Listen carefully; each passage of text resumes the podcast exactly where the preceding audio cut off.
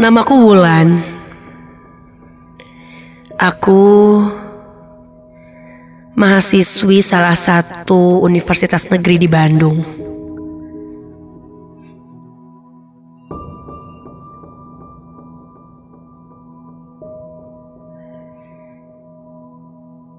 Rumahku di daerah Bandung Timur.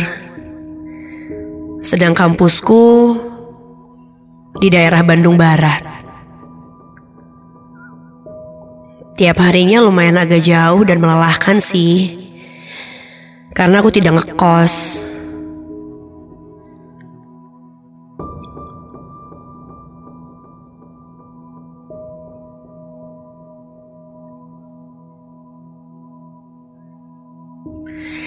Sejak aku SD bisa dibilang aku tidak normal. Entah kenapa mata ini selalu bisa melihat apa yang orang lain tidak bisa lihat.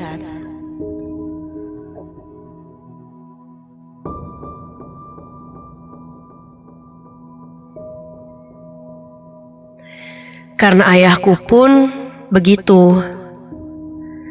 Dan sepertinya itu turun kepadaku. Aku sudah tidak asing dengan penampakan yang selalu ada di mana pun. Namun, tibalah hari itu. Hari di mana ku rasakan hati ini susah tenang. Aku seperti mendapat firasat, namun entah firasat apa.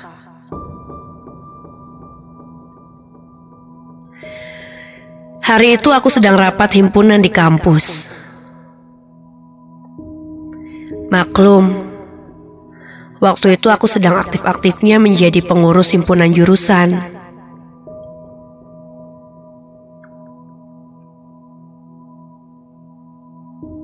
Sembari resah, lagi-lagi aku sibuk melihat jam dengan hati tak tenang. Kulihat Jam sudah menunjukkan pukul 10 malam.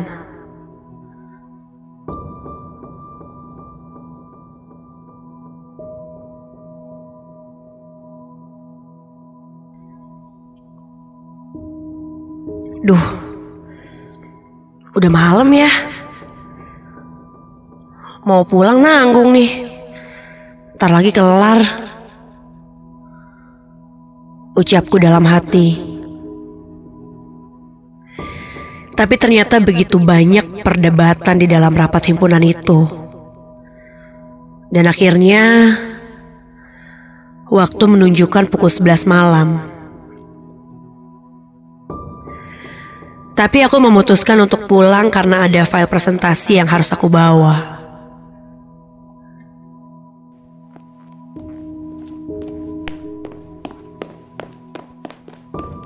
Aku keluar dari ruangan dan turun dari tangga dengan agak berlari kecil menuju parkiran.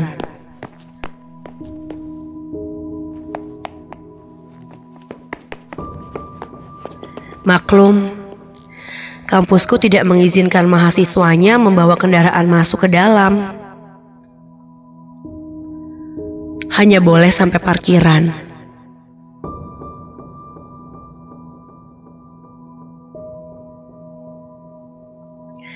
Aku berlari kecil dan mencoba tidak melihat apa pun yang bukan manusia malam itu. Aku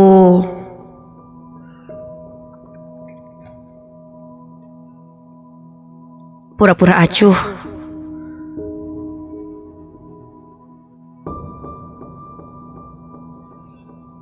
Aku lantas menyalakan motor dan langsung tancap gas sembari mendengarkan musik dari radio yang tersambung di headset. Lewat gadgetku.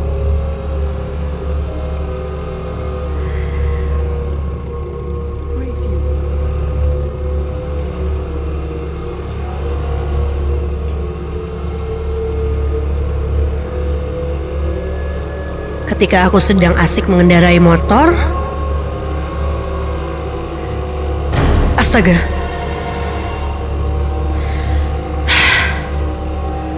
Aku dikagetkan dengan sosok laki-laki bermuka rusak dan berdarah-darah. Hah? Dia melihat ke arahku dari kaca spion sambil berbicara lirih. Motor maneh lincak imah aing.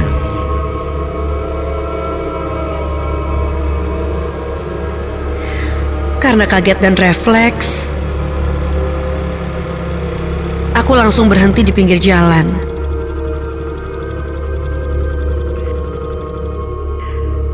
Aku melihat ke belakang tapi tidak ada siapa pun. Tolong jangan ganggu saya ya. Begitu tegasku. Aku memang terkadang seolah-olah berkomunikasi dengan mereka. Aku langsung menancap gas.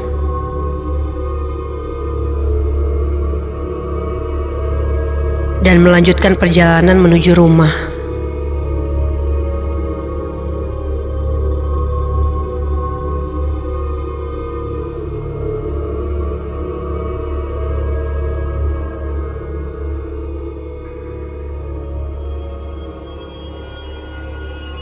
Selama di jalan,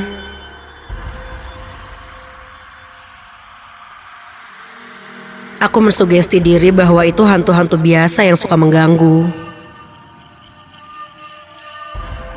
Ya, aku memang sudah biasa melihat mereka.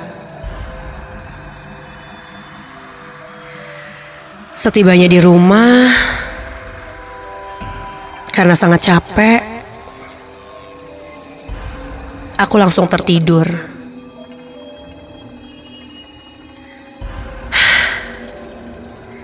Rasanya baru beberapa saat saja mata ini terpejam.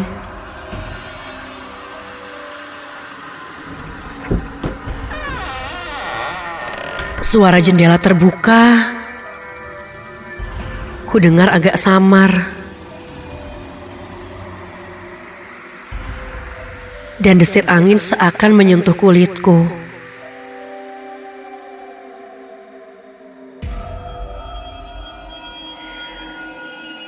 Sadar tidak sadar ku rasa saat itu.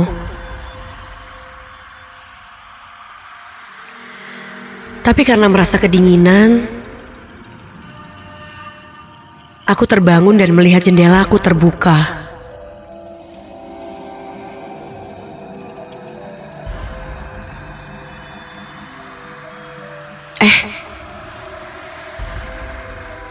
Beneran kebuka nih jendelanya.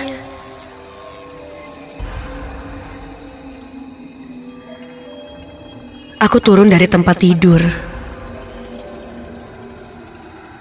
Lalu, ketika aku pegang ujung jendela itu, eh, kok susah ya? Tak seperti biasanya, jendela kamarku itu tiba-tiba seperti macet dan sulit untuk ditutup.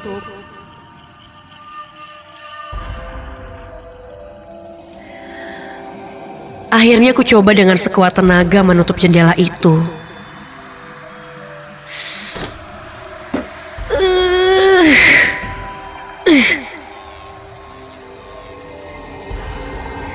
Dan ketika kulihat,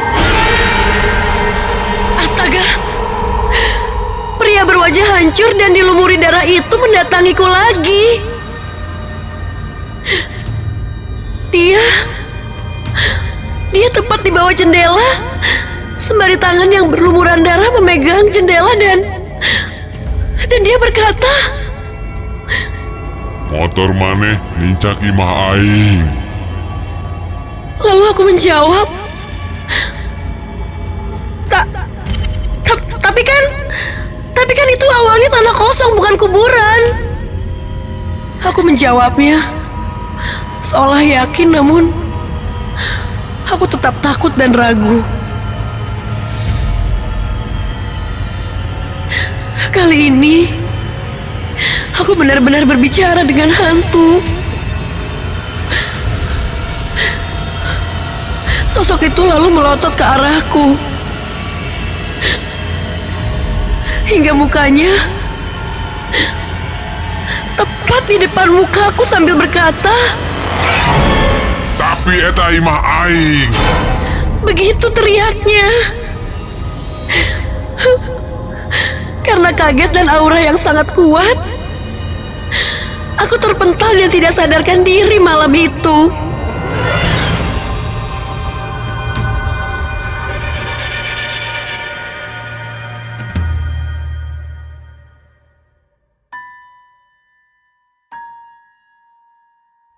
Keesokan harinya, aku menceritakan itu pada ayah. Karena ayah menemukanku tertidur di lantai dengan jendela terbuka. Dan di hari itu juga aku dapat kabar bahwa salah satu parkiran di kampusku ambles. Hingga beberapa motor hampir masuk ke dalamnya. Ya Tuhan. Dan dari situ aku tahu kalau semua tanah atau tempat tidak benar-benar kosong. Atau mungkin apa yang kamu lihat baik-baik saja belum tentu baik.